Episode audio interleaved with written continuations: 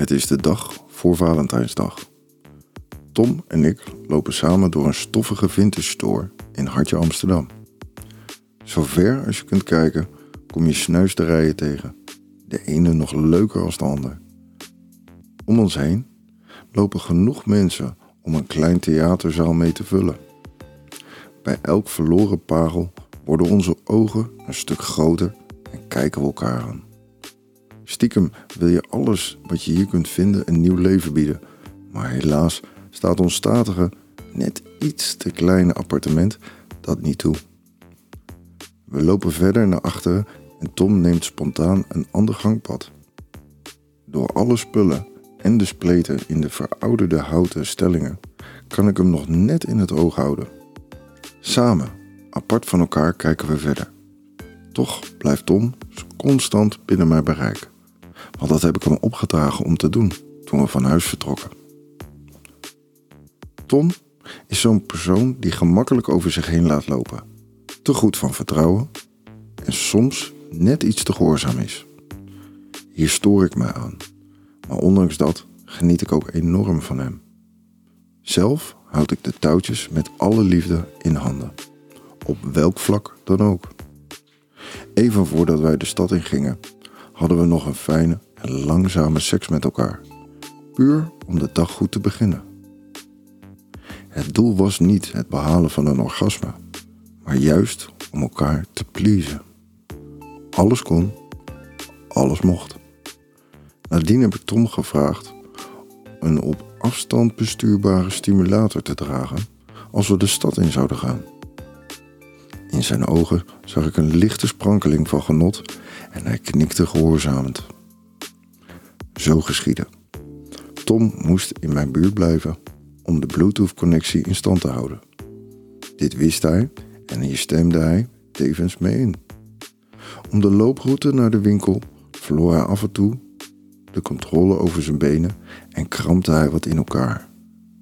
Mensen keken hem verontwaardigd aan, maar hier kikte hij juist op, net als ik. Lichte kreuntjes kwamen uit zijn mond en het rood stond hem op de kaken. Eenmaal in de winkel besloot ik om mijn telefoon in mijn broekzak te laten en hem niet meer te teasen tijdens zijn zoektocht. Toch kon ik mezelf na enige tijd niet meer inhouden. Ik startte de app op en gaf een slinger aan de knoppen. Ergens tussen de mensen, het stof en de prulletjes hoorde ik Tom intens genieten.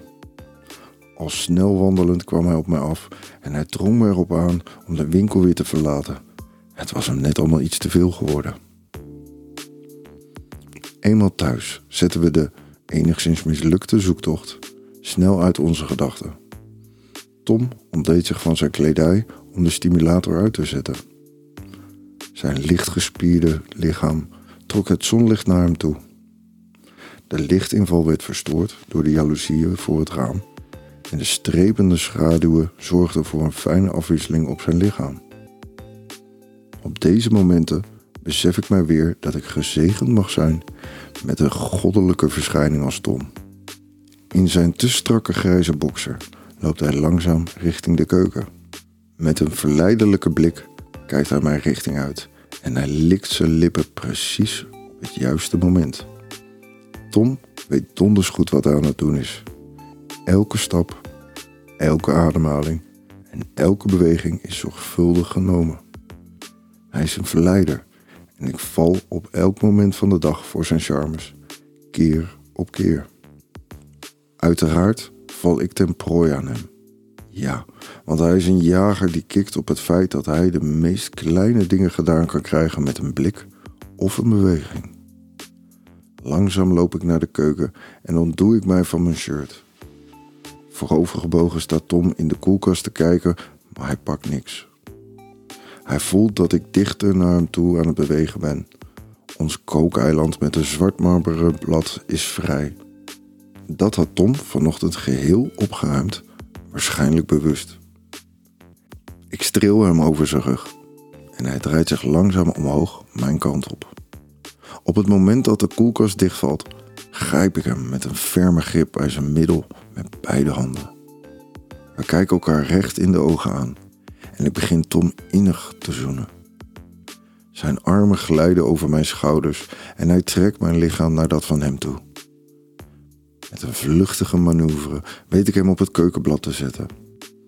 Hij holt zijn rug van het koude marmer dat zijn bovenbenen aandoet. Mijn lippen dwalen af langs een vlijmscherpe kaaklijn naar zijn nek. Ik voel zowel mijn eigen als zijn ademhaling versnellen. Zijn korte zuchten en kreunen vullen de ruimte met geluid. Van zijn nek keer ik terug naar zijn lippen, om vanaf daar door te gaan naar zijn oren. Ik voel de warme, vochtige adem van Tom in mijn oor en langs mijn nek glijden. Met mijn tong dring ik naar binnen bij zijn oorschelp en mijn lippen omhelzen zijn oorlel. Teder zet ik mijn tanden erin en trek ik mijn hoofd terug. Met moeite blijft Tom met zijn handen steunen op het kookeiland. Ik voel het aan heel zijn lichaam. Hij trilt van de kou, maar ook omdat hij niet lang meer vol kan houden. Met beide handen pak ik de polsen van Tom stevig vast om uit zijn lijden te verlossen. Zijn torso daalt neer op het donkere blad en opnieuw vormt er een bolling. Langzaam is de grijze kleur van de bokser donkerder geworden. Met een hand wrijf ik over het gespierde lichaam van Tom in de richting van zijn ondergoed. Hij wil kijken, ik zie het aan hem. Maar dat sta ik niet toe. Terwijl mijn ene hand het gebied rondom zijn lies verkent, ligt mijn andere hand stevig toch losjes om zijn nek. Alles voel ik.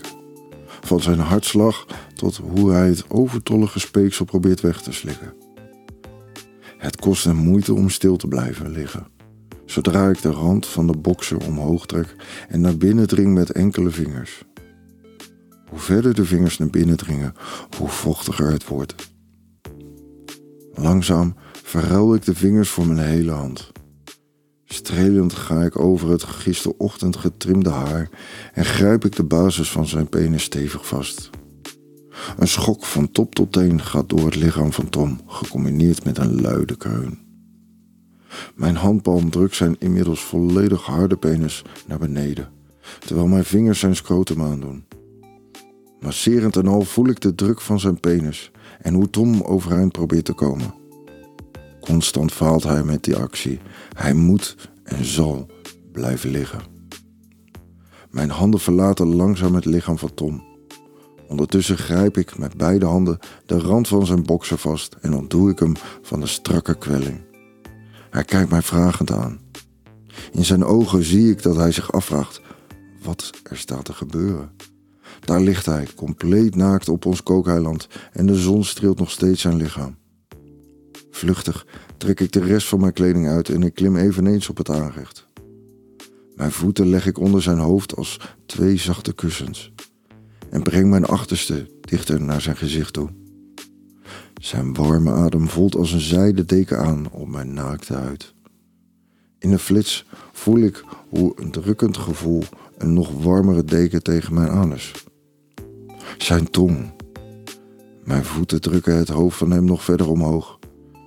Langzaam buig ik iets verder naar voren en ik pak met twee handen zijn penis stevig vast. Ik voel aan alles dat zijn mond ver open staat. Snel druk ik zijn gezicht nog steviger tegen mij aan. Elke aanraking voel ik in al mijn vezels en hetzelfde geldt voor Tom.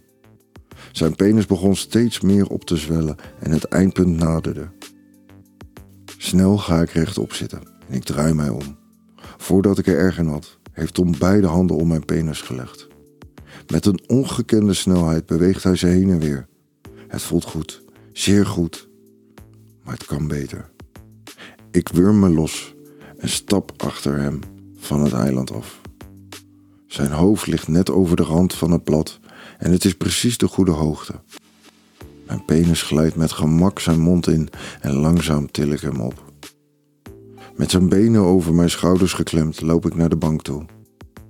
Ondertussen geeft Tom mij een van zijn betere blowjobs. Je weet wel, zo een met net genoeg tong en diepgang. Op een tedere manier leg ik hem neer op zijn rug op onze bruin leren bank. Tegelijkertijd buig ik verder voorover om hem te pijpen. Voor ons beiden is dit een van de meest favoriete posities. Mijn lippen leg ik zacht op zijn inmiddels vergrote eikel neer en ik daal af. Van boven naar beneden steeds sneller en afgewisseld met een langzamere beweging. Van pijpen komt Tom niet klaar, dus ik kan net zo lang doorgaan als ik zelf wil. Terwijl ik van Tom af wil stappen, zuigt Tom extra hard aan mijn penis. Je hoort het geluid van een vacuüm als mijn penis zijn mond verlaat. Hij legt een kussen onder zijn hoofd en ik onder zijn onderrug. De gespreide benen klemmen om mijn middel en het is een easy entry. Met mijn eikel ga ik van boven naar beneden en vice versa langs zijn anus. Zijn ster pronkt als een ster aan de hemel. Ik leg mijn eikel er tegenaan en zonder te kloppen ga ik naar binnen. Een diepe kreun komt uit de mond van Tom en zijn ogen worden groter. Vol verwachting klopt zijn hart als ik hem steeds dieper, sneller en harder penetreer. Tussen het kreunen door valt mijn naam af en toe weg in een diepe zucht. Terwijl ik blijf aanzetten, voel ik het orgasme van ons beiden naderen. Tom wordt strakker, hij spant zich meer aan, hij begint heviger te ademen. Het kreunen zet door en een andere naam passeert de revue. Het dringt pas iets later tot mij door dat de naam Thijs uit zijn mond komt.